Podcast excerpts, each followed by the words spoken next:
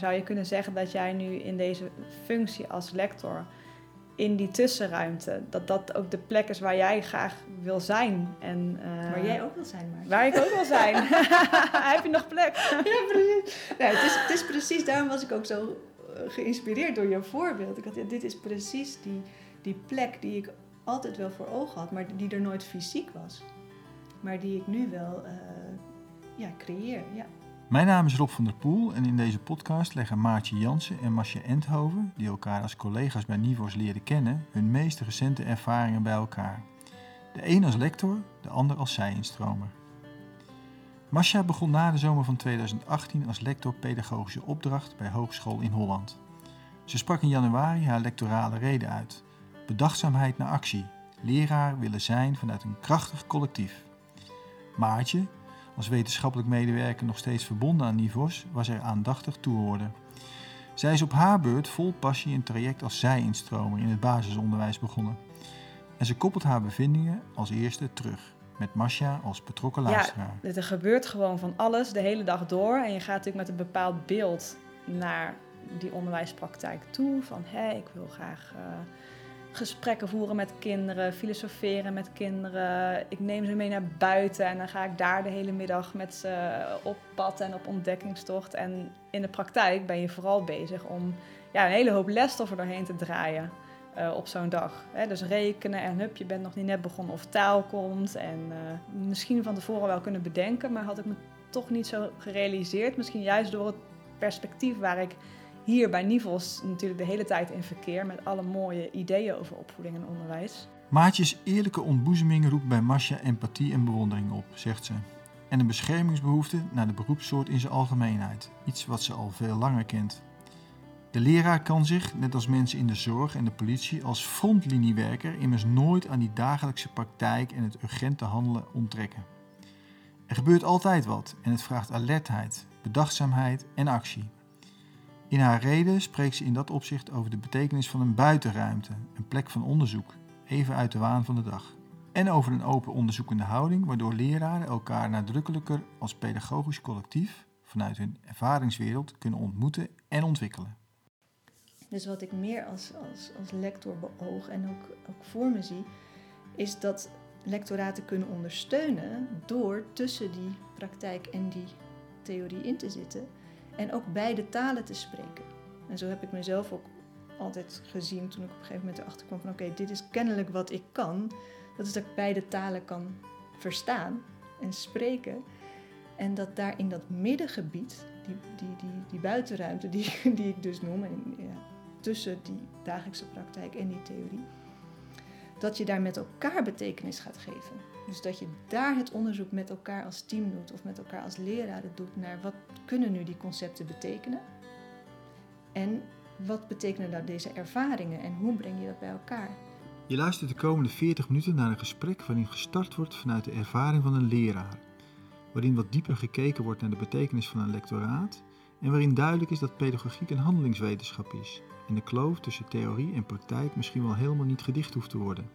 Anders dan dat die ruimte betekenisvol wordt ingevuld.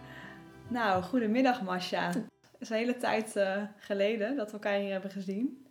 En uh, ontzettend leuk dat je hier bent en we kunnen bijpraten over wat we allemaal hebben meegemaakt in de laatste tijd. Ja. Um, ja, misschien is het goed als jij nog even kort voorstelt. Ik ken je natuurlijk al, maar uh, niet iedereen. Wat, hoe ben jij ooit bij Nivels terechtgekomen? Um, dat is al wel een hele tijd geleden.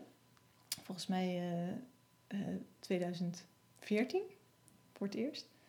Um, en ik kende Luc, Luc Stevens kende ik uit een heel ver verleden dat ik uh, voor het lectoraat gedragsproblemen in de onderwijspraktijk werkte met lector Kees van der Wolf. En Kees en Luc waren al um, goede collega's, goede bevriende collega's geweest ooit. Um, allebei met een kritische blik op het onderwijs en op de pedagogische functie in het onderwijs. Allebei met een andere blik daarop, maar wel uh, altijd elkaars expertise benuttend. En Luc was toen als extern lid van het lectoraat uh, betrokken. Dus Kees benutte hem en zijn expertise ook als kritische vriend. En, dus zo had ik Luc eerder ontmoet. En later ehm, bleek Luc geïnteresseerd in mijn ervaringen die ik in Amerika had opgedaan door eh, een postdoc die ik deed met Mihai Csikszentmihalyi, de grondlegger van het concept flow. En ehm, ik heb na mijn promotie dus een, een soort een, postdoc gewonnen of hoe noem je dat? Voor elkaar gekregen om daar een, eh, een concept met eh, hem te bestuderen. En dat noemde hij toen psychologisch kapitaal. Dus daar heb ik een tijd gezeten. En op een of andere manier wist Luc daarvan. En eh, hij vond het interessant om eens met elkaar in gesprek te gaan. Ook in het kader van ontwikkelingen bij het NIVOS. En uiteindelijk kwam hij met een hele concrete vraag om te zeggen... eh, wij, gaan, eh, wij zijn met de trainingen pedagogische tact en die trajecten zijn wij bezig. En eh, dat gaat eigenlijk heel goed. We hebben heel veel scholen waar we deze trajecten doen. En we hebben hele goede, capabele docenten die die trajecten verzorgen. Maar Luc wilde eigenlijk zelf ook meer zicht krijgen op en, en legitimeren, zoals hij dat noemde, wat we in die trajecten deden. En hij zag in mij iemand die dat kon helpen onderzoeken en die kon kijken met de docenten en ook meer kon, eh, te pakken kon krijgen met docenten wat zij deden. Ja. Dus eh, op die manier ben ik hier gekomen. Ja, mooi. En eh, ben je ook altijd verbonden met ons gebleven natuurlijk. Daarom, daarom zit je hier nu weer en gebruiken wij de gelegenheid om, eh, ja, om elkaar ook weer te zien en bij te praten. We hebben allebei eh, hele verschillende ervaringen opgedaan in de laatste tijd. En het lijkt me leuk als we die eens eh, bij elkaar leggen. Wat, ja, Ja, wat komt ja. eruit? Nou ja, dat, ik kwam hier natuurlijk ook met dezelfde interesse naar jou. Dat ik jou lang niet heb gezien. En ik hoorde wel over allemaal nieuwe ontwikkelingen. Het laatste wat ik wist was dat je als zij-instromer eh, van plan was eh, te starten. Dus ik ben ook heel benieuwd hoe het daarmee is. Ja, ja. Zal ik daar even kort iets over vertellen? ja. Ehm, nou, dat klopt inderdaad. Ik, heb, eh, ik ben begin van dit jaar daarmee gestart. Het was eigenlijk al iets wat wel langer, een vraag die zich al wel langer in me afspeelde. Eh, ik ben in 2016, geloof ik, bij het NIVOS eh, terechtgekomen als wetenschappelijk medewerker. Eh, een beetje logisch voortkomend uit het traject wat ik daarvoor heb gedaan. Dus pedagogische wetenschap en filosofie. En altijd in het veld van opvoeding en onderwijs gewerkt in de meer wetenschappelijke hoek. En ik merkte gaandeweg eh, dat, dat, ja, dat dat één kant is die ik in me heb. eh, die ik heel, heel belangrijk vind ook. Ehm, en, maar dat ik tegelijk ook ehm, ja, heel erg een behoefte heb naar eh, de praktijk. Dus om in de praktijk van betekenis te zijn. Om eh, direct te zien eh, wat er gebeurt met wat ik doe. Om onder de mensen te zijn, om in interactie te zijn. En ja, dat, toen ben ik gaan denken van hoe kan ik die twee bij elkaar brengen Mhm. eigenlijk. Die meer reflectieve, beschouwende aard die ik in me heb. En die, die, die wens om heel praktisch van betekenis te zijn. En eh, dat deed ik al, of deed en doe ik al een lange tijd eh, als begeleider van vluchtelingen. Eh, daar, ja, daar kan ik heel concreet van betekenis zijn. Er zijn allerlei urgenties, Ja. appellen die worden gedaan. Dus daar vind ik dat heel sterk. Ehm, maar ik dacht, misschien is het ook goed om te kijken naar het domein waarin ik werk, het onderwijsveld, om daar die twee bij elkaar te brengen. Dus om niet alleen theoretisch over opvoeding en onderwijs na te denken, maar om ook zelf in die praktijk te gaan staan. Eh, en dan die twee telkens ja, eigenlijk te pendelen tussen die theorie en die praktijk. Eh, nou ja, dus dat, die lange aanloop heeft het gehad. En uiteindelijk dacht ik, ik moet daar gewoon eh, een keer iets in gaan doen. Dus toen ben ik in februari voor de klas gaan staan, twee dagen per week, in groep 5. Ehm, ja, en dat, dat was wel even. Toen kwam ik wel binnen in die praktijk, zeg maar. Dat was echt eh, ja, een hele intense ervaring. Mhm. Ja, dat, ehm, totaal anders dan wat ik gewend was. En dat wilde ik ook, dus dat, dat, daar mag ik niet over klagen.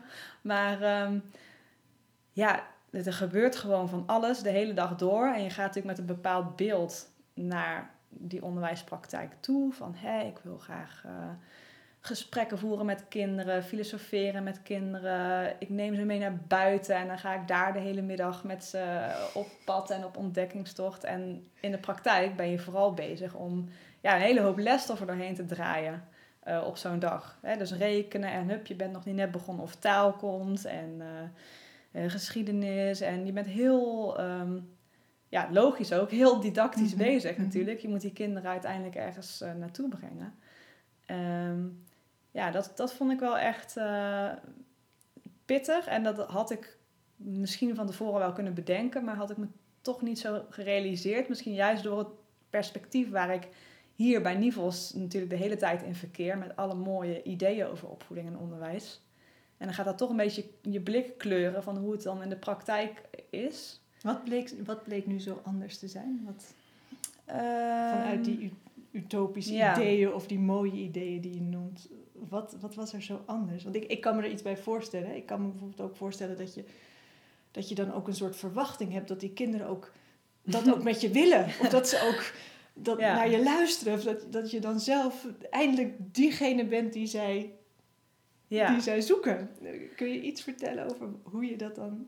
Ehm, ja, nou ja, dat, dat klopt misschien ook wel. Ik, had- ik had ook een bepaald beeld inderdaad van, van onderwijs, misschien gebaseerd op mijn eigen ervaringen, van toch, ja, gewoon een soort van een rustige klas die met elkaar eh, aan het werk gaat. En het was echt aan alle kanten hectiek en eh, eh, er gebeurt gewoon elke seconde iets. Ben je hier, sta je hier bij een tafeltje, gebeurt er achter je iets voor je. En dus dat, dat klopt inderdaad. Het was, ik vond het heel hectisch. Ja, ook wel dat, kijk, uiteindelijk, vanuit, ook vanuit de ideeën die we hier bij Nivels hebben, ehm, wil je natuurlijk dat het bij elkaar komt. Dus het, het, het kwalificeren, dat kinderen bepaalde kennis opdoen, maar dat dat ook tegelijk raakt aan hun persoonsvorming en zo. En dat, dat kun je als concepten kun je dat Mhm, vatten. mhm. Of nou, althans, dat is Ja. ook al ingewikkeld. Maar daar ben ik dan hier bij Nivels veel mee bezig om te vatten hoe dat er dan uit zou kunnen zien. Ehm, maar in de praktijk is het heel moeilijk om dat allemaal in een moment te zien. En eh, ja, was ik eigenlijk vooral bezig met, nou dan val je toch heel snel terug op, op de methode bijvoorbeeld. Eh, ik, ja, ik, ik heb uiteindelijk echt maar een maand voor de klas gestaan, omdat daarna de coronatijd eh kwam, dus kon ik niet doorgaan. Maar ja, dat als ik een les voorbereid, als ik daar vanuit het perspectief van nivels over nadenk, dan zou dat misschien heel anders uitzien dan het er uiteindelijk in de praktijk uitziet. Omdat je toch denkt, nou, ik pak maar les 6 eh, A, eh, dit voorlezen, die instructie. Ja. Dus die, ik snap zeg maar hoe het er uiteindelijk uit zou kunnen zien, maar om het dan ook echt zelf te doen, daar gaat volgens mij jaren overheen. En dat betekent dat ook dat zo'n, dat zo'n methode je dan ook eigenlijk houvast geeft? Of dat je dat ook nodig Ja. hebt eigenlijk op dat Ja. moment? Dat Ja, ook omdat je totaal niet de ruimte hebt om, om, om, om breder te denken of zo op Ja. dat moment. Ja. Dan ben je al lang blij als het lukt om die doelen voor die les eh, in, die, in die 20 minuten of wat het ook is, er, er doorheen te draaien. Toch even. Dus alles wat je hier hoort waarvan je het eigenlijk denkt, zo wil ik het niet. In die valkuil kom je toch wel. Wat een ongelooflijk waardevolle ervaring, lijkt mij. Wat, Ja. wat, wat een ongelooflijke betekenis zal dit voor altijd hebben. Wat je ook gaat doen voor het onderwijs. Dat je in ieder geval een maand in die schoenen hebt gestaan. En misschien nog wel langer gaat doen. Maar dat... eh, Ja. ja, want ik ben wel zo benieuwd, is het iets wat jij herkent vanuit jouw werk als lector, Ja. eh, Ja. lector pedagogische opdracht? Nou, het is ook wat ik, eh, eh, waar ik heel veel ehm, empathie voor heb, als ik, het, als ik dat woord kan gebruiken. Dus ehm, ik heb zelf in het HBO veel voor de, voor de groepen gestaan. En eh, dat heeft mij al iets doen ervaren van eh, wat het is om bezig te zijn met wat degene in jouw klas moeten leren. Dus dat het niet gaat over wat je zelf allemaal voor mooie ideeën hebt of hoe je het allemaal voor je ziet, maar dat je bezig moet zijn met wat die student, of in jouw geval in die, wat die leerling gaat doen. Daar moet iets gebeuren. Het gaat er niet per se om wat er bij mij allemaal gebeurt. Je moet dat kunnen inzetten om te zorgen dat daar gebeurt wat daar eh, moet gebeuren. En ik heb altijd wel heel erg veel, nou ja, wat ik zeg, empathie en bewondering en, en ook een soort beschermingsbehoefte gehad naar leraren. In de zin dat ehm, ik altijd wel op een of andere manier heb gezien wat dat wel niet vraagt en wat dat is. En eigenlijk die ervaring die jij nu beschrijft, vind ik daar zo essentieel aan.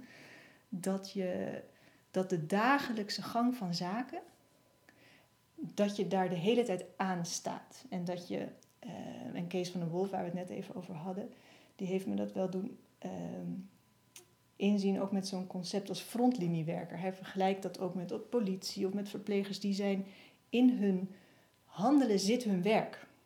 Dus zij zijn steeds op de frontlinie. Zij zijn niet achter een bureau, wat eigenlijk jij zo mooi illustreert als wat je wel deed. Hè? Je had natuurlijk de tijd om, de, om, om vanuit filosofisch oogpunt naar praktijken te kijken en daarover na te denken en die concepten nog eens mooi naast elkaar te zetten en daar de diepte in te gaan, wat heel nuttig kan worden voor de praktijk.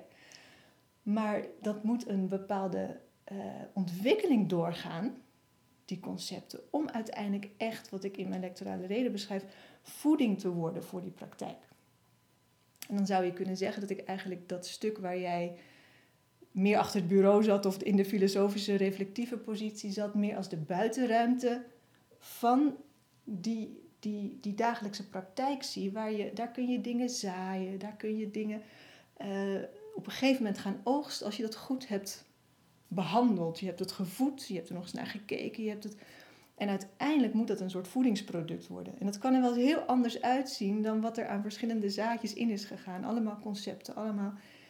En die, en die betekenis die het, die het kan krijgen, kan niet zonder die praktijk. Die, die, die moet daar gewoon worden gewaardeerd. Mensen moeten het willen eten.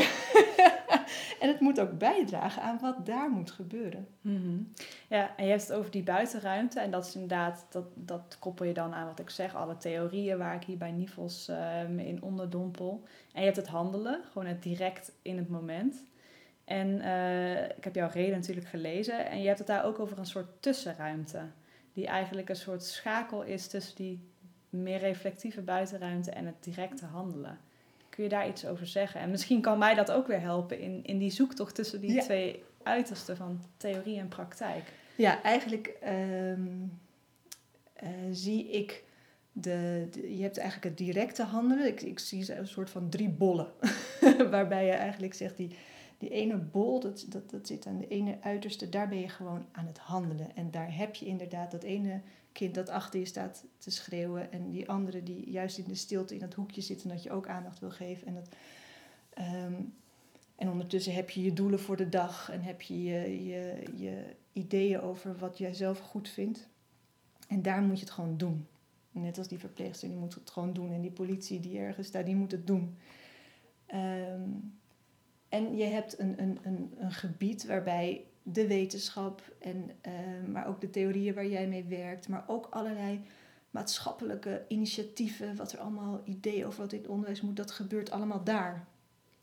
En wat ik met buitenruimte bedoel, en misschien dat jij daarover die tussenruimte bedoelt, is dat er een plek moet zijn waar je even uit die dagelijkse praktijk bent, maar dat je ook even uit die theorieën bent. Het is een soort, soort ruimte waarbij je zelf als leraar en dan met jouw team, met het collectief. En dat collectief kan in de school zijn, maar het kan ook de ontwikkeling van het lerarencollectief in Nederland gaat natuurlijk over leraren als collectief, als geheel. Dat is bovenschools, bovenbestuurlijk. Waarbij je eigenlijk zegt, wij zijn de leraren en wij moeten zowel die praktijk beschouwen als al die ontwikkelingen op theoretisch niveau en wetenschappelijk en maatschappelijk. En daar moeten wij dus in die ruimte daartussen moeten wij iets. En die tussenruimte is nodig. En wat je nu veel ziet is dat er altijd wordt gepraat over een kloof tussen onderwijswetenschap en praktijk. Ja, natuurlijk is er een kloof, want het is het allebei niet. Het is, het is niet en die kloof is niet erg, maar die kloof moet je gaan invullen. Dus die kloof moet je niet alleen een gapend gat laten zijn, maar die kloof, dan moet je eigenlijk gewoon eens lekker in gaan zitten met elkaar. Ja, ja wat ik misschien net ook bedoelde is, ehm, um, zeg maar, theorieën die lijken eigenlijk ja, nog verder op afstand te zijn dan uh, wat jij dan uiteindelijk uh, omschrijft met pedagogische tact. Dat je uh, kan reflecteren op ervaringen die direct in je eigen klaspraktijk hebben plaatsgevonden. Dus um, kijk, dat veld van, van allerlei wetenschappelijke theorieën, uh, Van Maan, Korthagen, nou, noem ze maar op ehm, die staan nog verder van de praktijk dan denk ik je eigen reflectie op je praktijk. Ja. Kan je daar nog iets meer over vertellen? Hoe Nou ja, dat is eigenlijk als we het over die kloof zouden hebben of over die buitenruimte, dan, dan zeg ik eigenlijk dat eh, daar moet je wel komen. Je moet vanuit dat handelen in die buitenruimte komen. En dat doe je niet eh, helemaal blanco. En jij brengt daar voeding naartoe uit die praktijk. En een ander brengt voeding uit de wetenschap daar naartoe. En jij doet dat uit die praktijk. Maar dat betekent dat je in jouw dagelijkse praktijk wel op een bepaalde manier al onderzoekend moet zijn om dat mee te kunnen nemen. Want anders is die dag voorbij en dan heb je je ervaring en dan kun je ervaring uitwisselen. Maar dat is het niet alleen. Wat je wil doen is dat je, dat je al in dat handelen of in de, de spaarzame momentjes dat je eventjes kunt nadenken over dat ene moment, dat je daar ehm, ehm, achtzaam wordt en bijna bedachtzaam op wat is hier nou gebeurd. Kan ik hier even voor mezelf een aantekening van maken? En dat, dat begint klein. Dat begint met, omdat je, net als jij eigenlijk zo mooi beschrijft, overrompeld bent. Waar heb jij momenten gevonden in die eerste maand om eens eventjes, eventjes op te schrijven van dit moment met, met, met dat kind en dat kind en wat gebeurde er? Dat is trainen. Dat is, en daar moet je eerst heel erg de basis van technieken leren. En, en voordat je die ruimte kunt vinden voor jezelf. Maar de, wat je gaat meenemen naar die tussenruimte, dat zijn die ervaringen. En daar moet je taal voor gaan vinden. En dan moet je, moet je ehm, ja, bedachtzaam op kunnen worden op wat je overkomt. Ja, en kun je dan iets vertellen over, je hebt met het lectoraat natuurlijk een aantal onderzoeksprojecten die eigenlijk allemaal nou, hiermee bezig zijn, elk met een andere invalshoek. Maar het gaat naar mijn idee vaak over ehm, de onderzoekende houding van de leraar. Hoe kun je dat, eh, ja, hoe kun je dat cultiveren? En ehm, ja, om dat concreet te maken zou je een, een of twee voorbeelden van onderzoeksprojecten kunnen noemen. Waar je misschien ook al wat bevindingen hebt, dat weet ik niet. Ja. Om het wat meer inzichtelijk te maken. Ja. Van wat gebeurt daar of hoe kun je daaraan werken? Nou ja, wat ik, wat ik in mijn reden heb gedaan, is dat ik eigenlijk de, de functies van onderzoekend vermogen, die in het HBO eigenlijk, eh, die ik al eerder voor het HBO en, en leraaropleiding had gedefinieerd, dat ik dat ben gaan plaatsen op die verschillende ruimtes. Dus, dus dat directe handelen, die collectieve buitenruimte en meer de wetenschap. En eh, daarmee eh, heb ik bijvoorbeeld beschreven dat wat ik net vertel over dat directe handelen, maar daar wel onderzoekend in zijn, om, om heel erg te, concreet te maken wat dat is. Want onderzoekende houding, daar, dat wil iedereen wel. En wat houdt dat dan precies in? En een van de projecten die we dan bijvoorbeeld doen, is dat we heel erg naar de basis teruggaan van, we hebben het allemaal over brede vorming, we hebben het over persoonsvorming, maar wat is dat nou in dat dagelijkse handelen? Dus een van onze projecten waar we laatst eh, een eerste publicatie over hadden, dat gaat over ehm, wat leraren eigenlijk vertellen en voor ideeën hebben over wat brede vorming is. En wat zijn nou momenten waarop zij het idee hebben dat zij aan het vormen zijn. Omdat eh, dat vormen, dat is dus niet iets wat je naast het rekenen doet. Of naast het leren lezen. Dus op het moment dat je, dat je eigenlijk in een opleiding leraren wil helpen daar sterker in te worden, waar we nu in Nederland mee bezig zijn. Hè. Persoonsvorming moet een onderwerp worden op de, op de leraaropleiding. Wat ik eigenlijk zeg is dat je dan wel moet weten wat het in de ervaring van een leraar eigenlijk is. Want dan kun je dus wel weer achter de tafel gaan zitten en gaan conceptualiseren wat die vorming is. Maar die leraar doet het al de hele tijd. Het is niet nieuw. Wat we eigenlijk zeggen is, wees er meer bewust van, zodat je het kunt onderzoeken. En zodat je het kunt, uh, met elkaar kunt bespreken en kunt kijken, is het eigenlijk wat we willen doen? Dus dat het niet meer zomaar gebeurt. Dat is wat we nu met persoonsvorming willen. Dat het meer een onderdeel wordt van, je, van je, de doelen die je stelt en de, en de doeldomeinen die je eigenlijk in je, in je school hebt. Um, dus wat we zijn gaan doen, een van onze onderzoekers, Peter Elshout, die is gewoon met leraren gaan praten. En gewoon gaan zeggen, als ik het heb over brede vorming, wat betekent dat voor jou? En uh, wanneer doe je dat? Nou, en dat heeft hij gedaan bij christelijke scholen. Dus dan zie je dat dat heel erg samenhangt met de christelijke identiteit. Dus wat wil je bereiken met die studenten? Dan, dan heeft dat toch te maken met de waarden die in de, in, in, in de christelijke traditie naar voren komen. En op meer openbare scholen zijn dat dingen die daar niet eens zo heel erg ver van af liggen. Maar uh, dat, dat bepaalt wel wat doe je in de, op het moment dat er iets gebeurt in de klas. Of dat een leerling een vraag heeft over iets.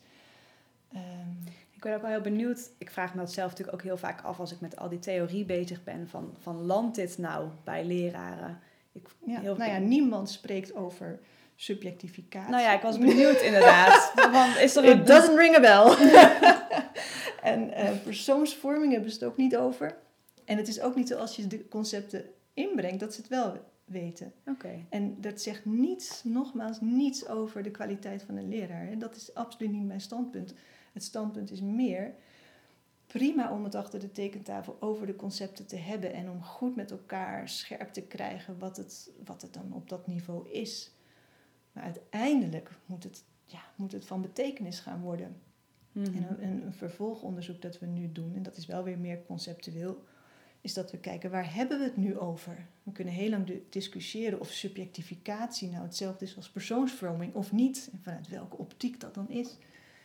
Ehm, en voor onderwijs aan studenten, wat we nu bij, uh, in Holland gaan doen, dat we keuzeonderwijs maken op het gebied van persoonsvorming. Dus, dus studenten kunnen kiezen om een verdiepende uh, uh, lessen te volgen over die persoonsvorming. Dan proberen we wel te gaan vatten van waar hebben we het nu over. Dus dan gaat het over karakter, identiteit. dus dat soort, dat soort vraagstuk is wel interessant om, om, om les te kunnen geven, om het erover te kunnen hebben en om, om de beelden uh, ook bij studenten daarover uh, te kunnen benoemen. Ja, want ik ben zo benieuwd. Je zegt van het zijn echt twee andere werelden. Leraren komen met hele andere woorden dan, dan wetenschappers. Maar gaan ze, is je poging om ze uiteindelijk bij elkaar te brengen? Of hoe gaan die werelden zich tot elkaar verhouden? Nou, mijn, ik denk, uh, daar, heb ik, daar, daarom is die rol van lector voor mij ook een, een, vind ik echt een voorrecht, omdat ik niet het idee heb dat onderzoek en wetenschap en de praktijk en de leraar per se op elkaar komen, bij elkaar komen. Zowel niet de woorden als de, de discipline. En uh, uh, onderzoek heeft ook aangewezen dat het voor beide partijen niet werkt. Je ziet bijvoorbeeld dat onderzoekers die eigenlijk heel veel in de praktijk doen, daar niet de waardering voor krijgen omdat zij worden, worden beoordeeld op hun wetenschappelijke publicaties. Dus het werkt voor allebei niet. En, en, en leraren die onderzoeker moeten worden, die, die zitten ook soms in de marge te werken, omdat hun collega's niet per se waarderen wat zij doen, omdat het, ja, het staat er toch weer naast. Dus wat ik meer als, als, als lector beoog en ook, ook voor me zie, is dat lectoraten kunnen ondersteunen door tussen die praktijk en die theorie in te zitten en ook beide talen te spreken. En zo heb ik mezelf ook altijd gezien toen ik op een gegeven moment erachter kwam van oké, dit is kennelijk wat ik kan. Dat is dat ik beide talen kan verstaan en spreken. En dat daar in dat middengebied, die, die, die, die buitenruimte die, die ik dus noem, en, ja, tussen die dagelijkse praktijk en die theorie, dat je daar met elkaar betekenis gaat geven. Dus dat je daar het onderzoek met elkaar als team doet of met elkaar als leraren doet naar wat kunnen nu die concepten betekenen?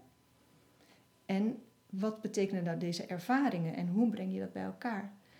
En gelukkig zie je in, in professionalisering van uh, leraren steeds meer soort van differentiatie, steeds meer mogelijkheden om, om ook te groeien zonder dat je dat primair proces gaat verlaten. Dus je hoeft niet bouwcoördinator te worden. Je kunt ook een hele goede leraar worden die meer academische scholing heeft, waardoor je de taal van de wetenschap kunt lezen en kunt begrijpen. En waardoor je ook bijvoorbeeld bij de, de, de MLI werken we op die manier met studenten, dat ze ook een rol krijgen in het verbinden van individuele leraren tot een collectief. En het werken met werkvormen die ondersteunen dat we die ervaringen gaan snappen en betekenis gaan geven. En tegelijkertijd de theorie daarbij kunnen benutten. Ja, dus die werelden gaan uiteindelijk niet samenkomen, maar je probeert wel in die ruimte een soort vertaalslag te maken, zodat ze uiteindelijk wel voor die ervaringen in de praktijk van betekenis kunnen Ja. zijn. Zonder dat de praktijk ook diezelfde taal moet gaan spreken. Ja, ja en, en het is mijn eh, overtuiging dat het voor leraren ook ontzettend leuk is. En, en dat het ook dat perspectief gaat bieden waar men ook steeds wel over eh om vraagt. Van ik wil groeien als leraar. Maar de enige mogelijkheid die ik heb is of eruit. Of ik moet naar het management of ik moet naar een coördinatorfunctie. Terwijl ik, ik wil een hele goede leraar zijn.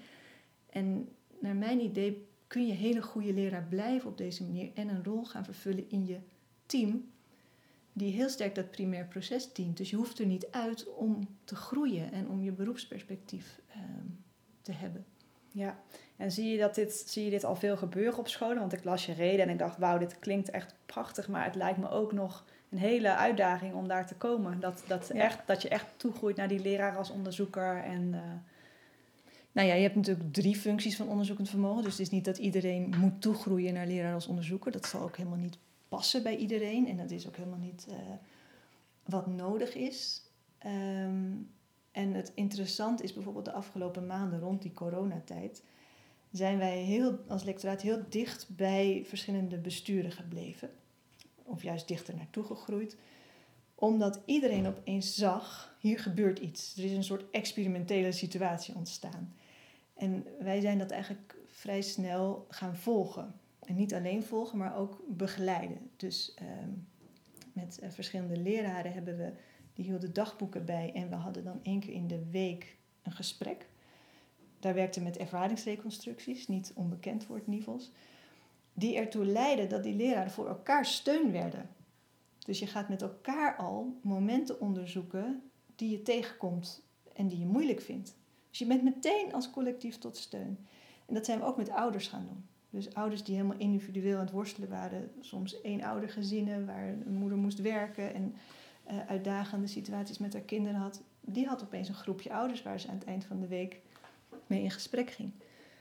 Ehm, en wat we nu zien is dat ehm, alle scholen, eigenlijk allemaal, zijn zich doordrongen van wat er wel niet is gebeurd de afgelopen tijd. En ze willen dat verduurzamen.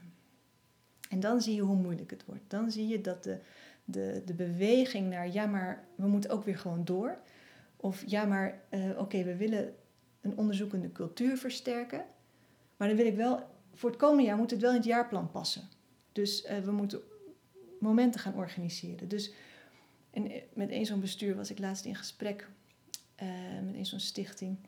En ik stelde eigenlijk alleen maar de vraag van eigenlijk wat jullie willen is dat je naar zo'n onderzoekende cultuur groeit.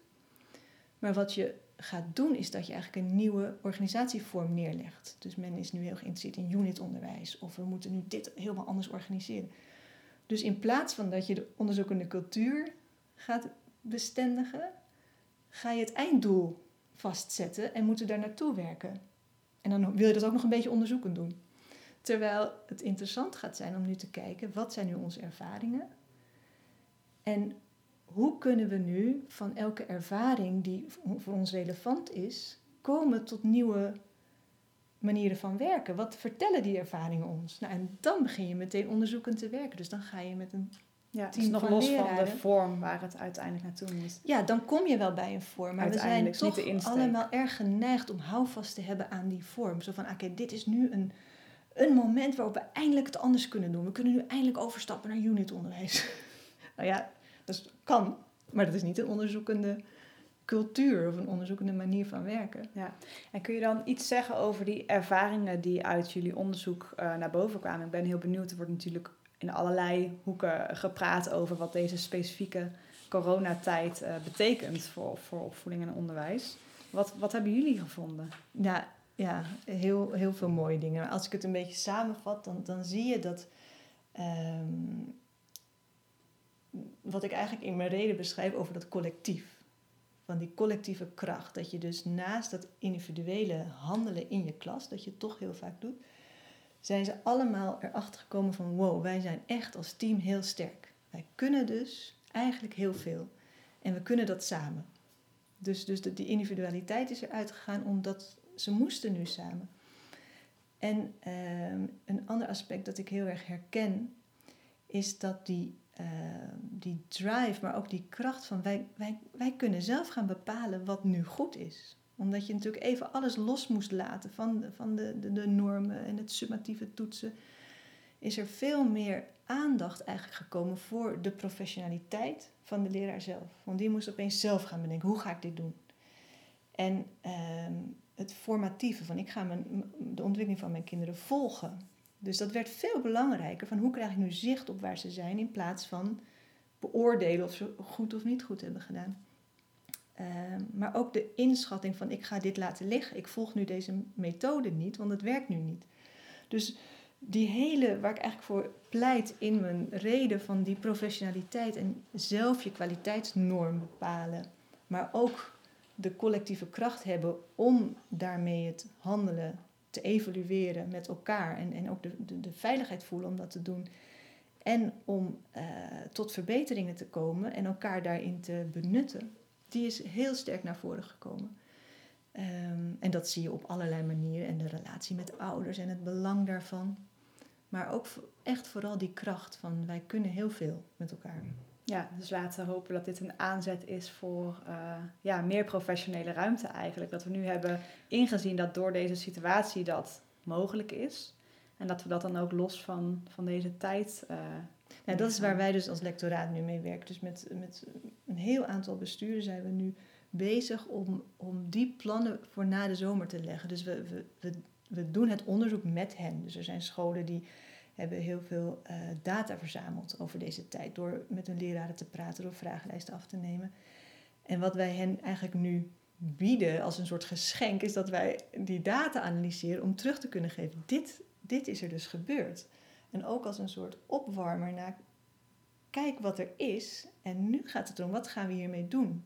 En daar willen we heel dichtbij zitten om dus te voorkomen dat het meteen tot een soort organisatievorm moet of tot een soort doel dat wordt gesteld. Maar tot hier kun je dus nu mee werken. Dus uh, er was één, uh, lerares die wilde bijvoorbeeld ook op het gebied van digitaal onderwijs de ervaringen van haar leerlingen ophalen. Nou, dan kun je dus in plaats van alleen zeggen, ja, je gaat die leerlingen bevragen, kun je ook oprekken van wat zou dit nu kunnen betekenen als je dit wil gaan benutten. Je wil meer met digitaal onderwijs. Dan is het perspectief van die leerling is één ding, wat zijn hun ervaringen. Een andere is bijvoorbeeld welke opdracht, hoe vervul je via dat digitale onderwijs wel die pedagogische opdracht die je met elkaar stelt? En welke formuleer je eigenlijk? Wat is de pedagogische opdracht die je voor jezelf hebt? En daarnaast is er nog een domein om te onderzoeken en dat is welk instrumentarium heb je als leraar dan nodig om dat te kunnen doen? Dus wat we als lectoraat proberen is om dat wat er leeft en dat de vragen die er zijn of de inzichten die er zijn, direct in een soort groter kader te plaatsen en, en dat te helpen onderzoeken. Ja, en dat zijn die, die drie elementen die je onderscheidt van betrokken handelen. Nou ja, precies. Dus, dus dat is dus wat we als lectoraat doen. Dat je zegt, je levert instrumentarium om te onderzoeken, maar tegelijkertijd zijn we wel een lectoraat dat zich bezighoudt met de pedagogische opdracht. En hebben we daar uh, een visie op, op, op wat dat handelen inhoudt en welke aspecten daarbij een rol spelen. Dus je kunt het perspectief van de leerling meenemen, maar er zijn meer elementen van dat betrokken handelen die nodig zijn om mee te nemen op het moment dat je daar echt uh, praktijk van wil maken. En wat is je verwachting? Is, uh, je zegt, we zijn met verschillende besturen in gesprek. Uh, we leveren heel veel data aan. Ben nou, zij leveren data aan. Zij leveren data aan en jullie leveren analyses daarover aan, wellicht. En ja, maar dat is de, dat is de start, hè? dat is de opwarmer. Ja. Om te kijken van, hé, hey, dit, dit, dit kan er dus allemaal. Dit is dus... Ja, dus het staat echt nog in een pril stadium. Nou ja, we zijn ook daarnaast aan het onderzoeken... welke wegen moet je nu bewandelen om echt tot dat collectief te komen. Want ik introduceer natuurlijk in mijn reden dat collectief van zowel leraren als onderzoekers... Um, als die professionalisering. Dus, dus we zijn bij, wat ik zei, iets van vijf besturen met heel veel scholen bezig... Nou, bij eentje komen we binnen via de bestuurder die een bepaald idee heeft. Nou, dan zie je wat er nog nodig is om echt met elkaar tot dat collectief te komen. En bij een ander bestuur zijn er twee directeuren die zijn begonnen met data verzamelen en die een missie hebben. Een heel andere start. En bij weer een ander bestuur is er een kwaliteitsmedewerker die eigenlijk naast de leraren staat in een ondersteunende functie en die heeft die rol heel erg opgepakt. Dus dat zijn ook weer manieren om te onderzoeken wat is er nu nodig om tot dat collectief te komen. Er zijn verschillende wegen. Ja, ja, als ik het zo hoor, sta je als lectoraat wel heel dicht bij het vuur. Ja, dat is wel echt mijn. Ik heb altijd gezegd van ik ben niet van de opleiding. Ik ben niet van het werkveld, maar het is echt daar, daartussen weer. dus het is ook wij zelf zijn een soort buitenruimte als lectoraat. Ik neem ook uh, mensen uit het uh, werkveld, dus, dus, dus leraren, maar ook een acteur die veel in het onderwijs werkt, die een plek krijgen in het lectoraat. En opleiders en onderzoekers. Ja. Dus misschien uh, om, na, om naar een afronding toe te werken, zou je kunnen zeggen dat jij nu in deze functie als lector in die tussenruimte. Dat dat ook de plek is waar jij graag wil zijn. En, uh, waar jij ook wil zijn, Maartje. Waar ik ook wil zijn. Heb je nog plek? ja, precies. Nou, het, is, het is precies, daarom was ik ook zo eh, geïnspireerd door je voorbeeld. Ik had, dit is precies die, die plek die ik altijd wel voor ogen had, maar die er nooit fysiek was. Maar die ik nu wel uh, ja, creëer. Ja. Mooi. Zijn er wat jou betreft nog dingen die wij uh, beslist nog aan bod moeten laten komen in ons gesprek? Nee. Uh... Dan zijn we rond, denk ik. Nou, dan wil ik je heel erg hartelijk danken voor, ja, voor het feit dat je hier bent op deze voor jou vertrouwde plek. En ik zou zeggen, laten we samen blijven optrekken. Heel graag bij deze. Dit was een aflevering in de Nivos podcastserie waarin gekeken wordt hoe en waardoor theorie en praktijk samenkomen. We horen graag wat je van deze podcast vindt door een reactie te sturen, sterren te geven of deze aflevering te liken. Stichting Nivos sterkt leraren en schoolleiders bij de uitvoering van hun pedagogische opdracht. Meer informatie vind je op www.nivos.nl.